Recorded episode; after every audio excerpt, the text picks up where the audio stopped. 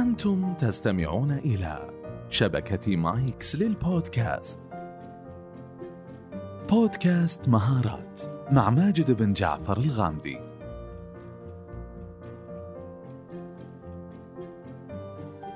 دراسة حديثة نقلتها فيلادلفيا CBS آه، في العام المنصرم في شهر ماي تقول تشغيلك لإشعارات وتنبيهات جوالك يسبب تشتت ذهني بنسبة 40% والتفاتك إلى الجوال كلما أصدر تنبيها يؤثر سلبيا على كيمياء الدماغ.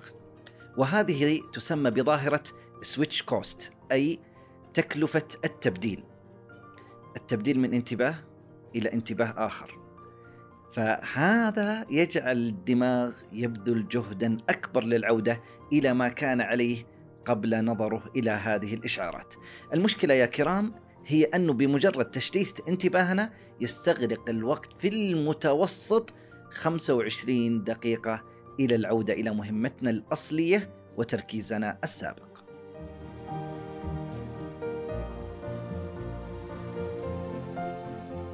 هذه الحلقة برعاية شركة تاب الخليجية للمدفوعات اللي تخدم أكثر من 70 ألف تاجر في المنطقة. إذا كنت تقدم خدمات زي ال freelancers أو صاحب مشروع عندك متجر على الإنستغرام أو حتى من الأسر المنتجة فتطبيق goCollect من شركة Tap مهم جدا لك. التطبيق يساعدك بأن الفواتير بينك وبين عميلك تكون بشكل أسهل وأكثر تطور. تقدر تسوي فواتير إلكترونية على شكل رابط دفع وترسلها لعملائك من خلال التطبيق ويسددونها بالطرق المفضلة لهم مثل مدى أو Apple Pay وتحصل فلوسك على حسابك البنكي بكل سهولة. والأجمل أنك تقدر تقدم هالخدمة لعملائك في المملكة وخارجها. بكل بساطة أنشئ الفاتورة ارسل رابط الدفع حصل فلوسك. تقدر تحمل تطبيق goCollect الآن وتتعرف على طريقة عمله في وصف الحلقة.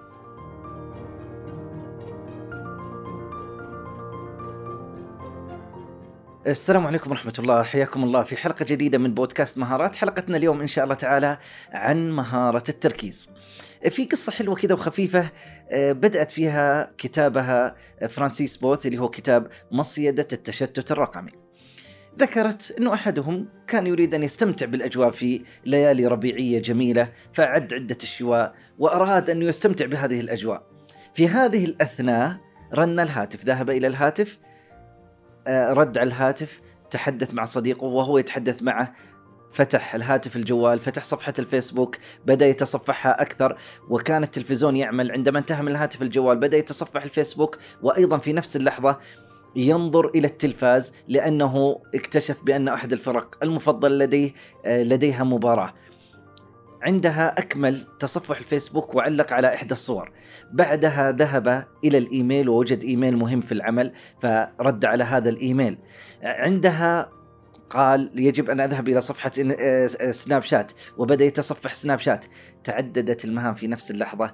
ذهب أكثر من ساعة ساعتين. وجد أنه لا وقت للشواء أنه يحتاج أن ينام لأن الوقت تأخر. هذه القصة على بساطتها ولكنها تحكي واقع كثيرين يحصل لهم مثل هذه المواقف. يريد أن يعمل شيء يأتي هذا التشتت الرقمي يفقد التركيز فيما يريد أن يعمل ثم لا يعمل شيء. حقيقة أردنا أن نتحدث عن هذه المهارة لأهميتها التركيز. ووجدت مقولة حلوة تقول انتبه إذا ركزت أكثر فسوف تكون أكثر نجاحا. حقيقة فعلا النجاح يقترب أكثر من التركيز ولكن نعيش في عصر مشتتات كثيرة وخاصة مع الإعلام الرقمي. المشتتات تأتيك من كل مكان ولذلك بدأوا يسمونه عصر الأسلاك. يقولون عصر واي فاي وعصر لاسلكي حقيقة لا. الأسلاك بدأت تربط حياتنا من كل اتجاه. أسلاك الإيميل أسلاك المنصات التواصل الاجتماعي أسلاك العمل الذي أصبح من خلالها خاصة بعد جائحة كورونا. بدأ الإنسان يصبح لا يستمتع بحياته ولا يستطيع أن يركز على نقطة واحدة لأن الأسلاك قد ارتبط بها من كل مكان فلا يستطيع أن ينفك عنها. تؤكد هذه المعلومة وأنه نعيش هذا الشتات مؤشرات جوجل فأنه خلال الخمس سنوات الماضية عدد الذين يبحثون عن كلمة كيف أركز أو كيفية التركيز أو مهارة التركيز ازدادت كثيرا خلال الخمس سنوات الماضية.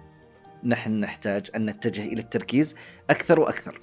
قام عالم النفس والفيلسوف ويليام جيمس بتحديد الانتباه بشكل أفضل وذكر مقولة جميلة وأريد أن أعلق عليها أكثر، يقول: هل يعرف الناس ما هو التركيز؟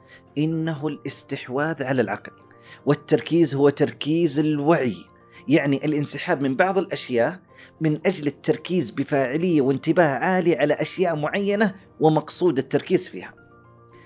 أرجع أول كلمة كان يقولها الاستحواذ على العقل. سؤال ما الذي يستحق أن يستحوذ على عقلك؟ أن تمنحه هذا التركيز. هنا الأهمية ولذلك يعني خلوني أوضحها بشكل أكثر. هناك أمور كثيرة تحدث في حياتنا قد لا نعيرها تركيز، قد تكون مهمة وقد تكون غير مهمة ويجب بس أن نعرفها وأن نعي في هذه النعي بهذه الأمور. أبسط حاجة الآن وأنت تستمع إلي. كم صوت تسمع حولك؟ ركز أكثر. تسمع صوت المتحدث، تسمع صوتي أنا، شكرا لك هذا رقم واحد. اثنين ماذا تسمع؟ آه تسمع الموسيقى التي تصاحب هذا البودكاست، جميل، هذا رقم اثنين. ما الذي تسمعه آخر؟ هل تسمع صوت أنفاسك؟ في هذه اللحظة وأنت تتنفس هذا رقم ثلاثة إذا كنت تسمعها أربعة الأصوات المصاحبة إذا كنت في السيارة هل تسمع أصوات السيارات الأخرى؟ إذا كنت في مكان هل تسمع أصوات الأشخاص المجاورين لك؟ كم صوت تسمع؟ هل تسمع صوت الهواء؟ هل تسمع صوت المكيف؟ هل تسمع؟ هل وصلت إلى خمسة أصوات؟ ستة سبعة أصوات؟ كلما ركزت أكثر استطعت أن تسمع أصوات جديدة لم تكن تنتبه لها لأنك منحت نفسك قوة التركيز نبتعد عن السماع ننتقل إلى ما ترى الآن وأنت تستمع إلى البودكاست كم لون ترى في المحيط الذي بجوارك جميل هذا اللون الأبيض الأخضر الأحمر الأصفر الأزرق كم لون ستة سبعة ثمانية. لا الأزرق لماذا دمجتها جميعها مع بعض؟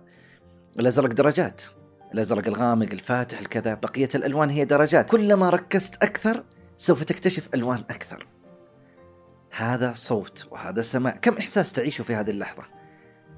اكتشف أحاسيسك. على الأقل هذه تستطيع أنك تراها بشكل واضح أو تسمعها بشكل واضح. الأصوات وما يرى، ولكن أحاسيسك ومشاعرك هل منحتها شيء من التركيز؟ ما هي أحاسيسك الآن؟ سعادة، فرح، اكتشاف، تردد، آه، حزن، أحاسيسك يجب أن تعيها أيضا بشكل جيد. تذكر أن حياتك هو ما تركز عليه. امنح تركيزك للشيء الذي يستحق أن تعيشه. يعني في شغلات أنت تركز عليها ترى هذه تعطيك هي حياتك. لأنك تركز عليها مرة ومرتين فتمنحها الكثير من وقتك واهتمامك وتركيزك. ولذلك هنا مقولة جميلة لماركوس أوروليوس يقول فيها الكون يتغير. حياتنا هي ما تصنعه أفكارنا. خلينا نقولها أيضا بطريقة أخرى. ما نقرر أن ننتبه إليه ونقرر أن نتجاهله. شيء يبغى انتبه له شيء يبغى اتجاهله هذه الأمرين هي التي تشكل وجودنا وواقعنا. بين قوسين تركيزك هو واقعك. ما الذي تركز عليه؟ هذه هي حياتك وهذا هو واقعك. أنا أركز على هذه الأمور أمنحها وقتي على الأصدقاء على العمل على ما ما الذي تركز عليه؟ ولذلك بعضهم يقول والله خطط ليومك وأسبوعك. نعم التركيز آه، التخطيط حاجة حلوة ومفيدة وتدير فيها وقتك وتنجز فيها أعمالك ولكن أتوقع بأن مفهوم التخطيط وجوهره هو إدارة انتباهك. بدأ يومي أريد أن أخطط له ماذا سوف أنتبه له في هذا اليوم؟ ما الذي يستحق أن أركز عليه؟ هنا سوف أعطيه انتباهي وتركيزي ووقتي. بطريقة أخرى ما الذي أريد أن أتجاهله؟ في عندي أمور أقول لا غير مهمة اذا سوف أتجاهلها. شوف الأمور كيف تختلف إنه أعطيني تركيزك أو أعطي تركيزك للأمور التي تستحق للأمور التي فعلا أنت مخطط لها وبعكسها الذي لا يخطط سوف يذهب وقته لأمور وتركيزه قد يكون غير مهمة ولا تستحق هذا الوقت. خلوني أشرح فكرة التركيز بطريقة أيضا أخرى. قد يكون ثلاثة شهود عيان لجريمة حدثت ويعطونك ثلاث روايات مختلفة لين تركيز كل واحد على شيء. أحدهم يقول والله الجاني كان يرتدي لباس كذا ويفعل كذا كل شيء أحدهم يقول هناك كانت الأصوات تتعالى وانه هناك وبعضهم يدخل في النوايا وشاهد عين آخر يقول هو كان يقصد هو كان يريد هو كان وبعضهم ينظر إلى الفعل ذاته كل واحد له طريقة في التركيز. أول حاجة تساعدك هي أن تعرف أنت ما الذي تركز عليه ثم بعد ذلك هل هو الأصح ولا ممكن أن نوسع دائرة تركيزي إلى ما هو أوسع وأكبر. دعونا نطرح هذا التساؤل. ما الذي يضيفه لحياتي التركيز والانتباه؟ يضيف لنا الكثير والكثير. منها أنه يحسن علاقاتنا لأنه الانتباه إذا كنت حاضرا مع آخرين ومنحتهم الانتباه الذي يستحقونه فهذا يحسن علاقتك معهم ويشعرهم باهتمام وتقدير وفهم واستيعاب. وأسوأ حاجة أن تجلس مع شخص ويمسك جواله بهذا الشكل يقول إيه يتكلم أسمعك أسمعك الله يعافيك. تكلم إيه مم نعم أنا معك. ما أنا أنت معي أنت مع الجوال الله يعافيك. هذا هل هذا تركيز؟ لا. ولذلك التركيز الكامل يمنحك تحسين علاقات مع الآخرين لأنك سوف تفهمهم تستوعب ماذا يقولون تعطيهم ردة فعل يستحقونها وتتحدث معهم بشكل جيد. مما يمنحنا التركيز أيضا أنه يعزز المرونة في حياتنا. انتباهك يتيح لك التركيز على الأمور الإيجابية والأمور السلبية حتى تتجاوزها ويعطيك المرونة للتنقل من دائرة إلى دائرة أخرى والأهم أنه بوعي وبتركيز وبإرادة منك وليس كما يوجهك الآخرين. التركيز يا كرام يزيد السعادة في حياتنا لأننا نبحث عنها ونركز عليها ونحن نستمتع بها فلذلك يعطينا مساحة واسعة من ملاحظة أشياء جيدة ورؤية الفرص والتركيز عليها والاستمتاع بنيلها بتركيز عالي. التركيز أيضا يمنحنا زيادة الإبداع لأنه يجعلنا ننخرط في أفكارنا الداخلية، في خلواتنا بذواتنا حتى نصل إلى أفكار جيدة.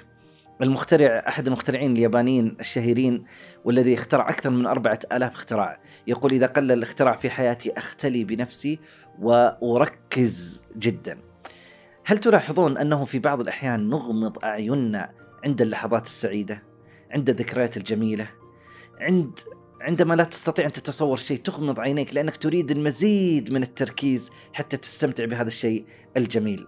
التركيز يعمق الحكمة في حياتنا ولذلك دائما يشجعون على جلسات الاسترخاء الذهني حتى تمنحك التفكير العميق وتمنحك العودة إلى منظومتك القيمية التي تحتكم إليها وتقول أنا في هذه اللحظات لدي حكمة أنطلق فيها مما أريد أن أفعله ومما أؤمن به من قيم وأخلاق ومبادئ. التركيز يمنحك أيضا فرصة عالية على التفكير النقدي بشكل جيد ف يعطيك فرصة أن تقرأ تقيم الموقف تنتقد تعدل توجد الحلول فأعطاك فرصة لتفكير عميق التساؤل الطبيعي كيف نركز؟ نحن نتحدث في بودكاست مهارات نريد خطوات كيف أستطيع أن أنمي حاسة التركيز لدي؟ هناك الكثير من الأمور التي تساعد على التركيز واخترت لكم بعضها. أول واحدة تأكد أن مبادئك وقيمك وأهدافك واضحة في حياتك.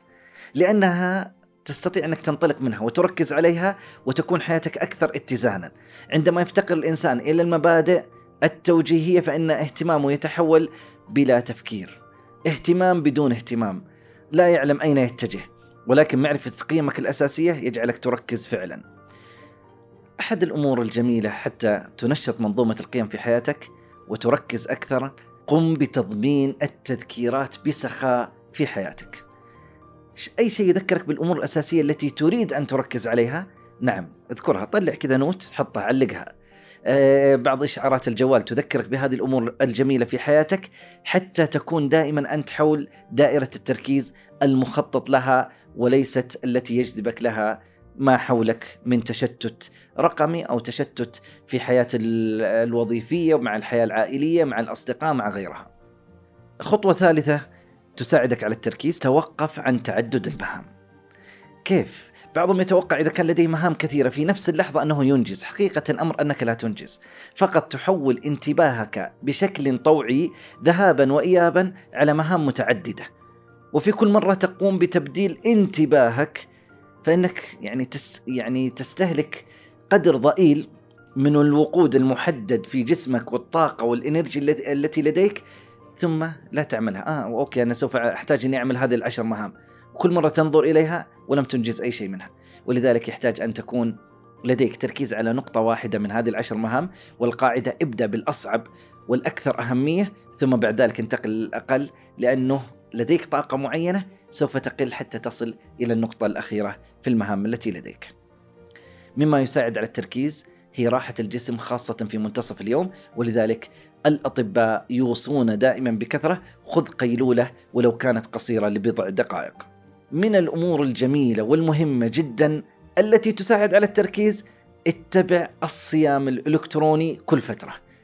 خذ الجوال خذ التقنية اللابتوب وكل شيء أبعدها عنك قل لمدة ساعتين ثلاث لن لن أنظر إليها.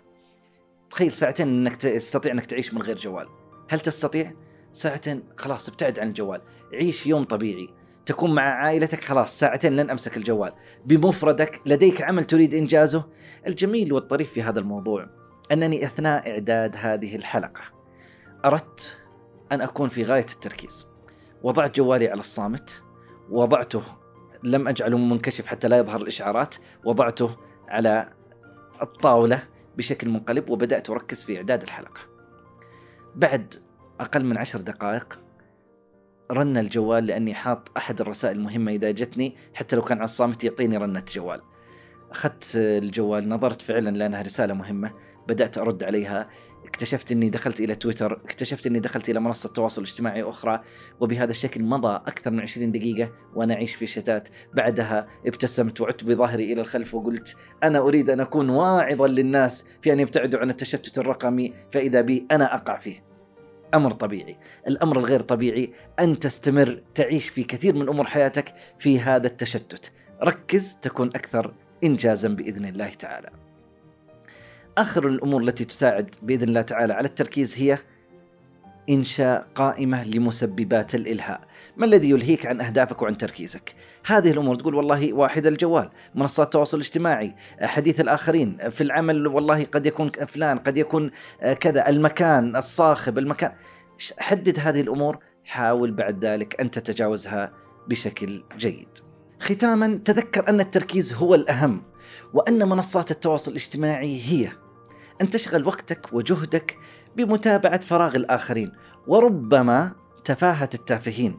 فحينما تتابع أشخاص جل حياتهم خاصة في سناب شات مطاعم، مقاهي، حفلات، عزايم، استعراض سينطبع لديك أن هذه هي الحياة وتنسى أنها هامش الحياة.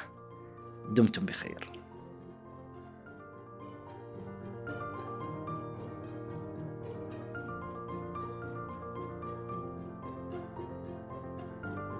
لو عجبكم البودكاست لا تنسون تقيمونا على المنصة اللي تسمعونا منها. وأيضا تقدرون تتركوا لنا تعليقاتكم وردودكم في أبل بودكاست. وأخيرا يسعدنا مشاركتك للحلقة للناس اللي حولك اللي تعتقد أنهم بيكونون مهتمين بمحتواها. نلقاكم في الحلقة الجاية بإذن الله.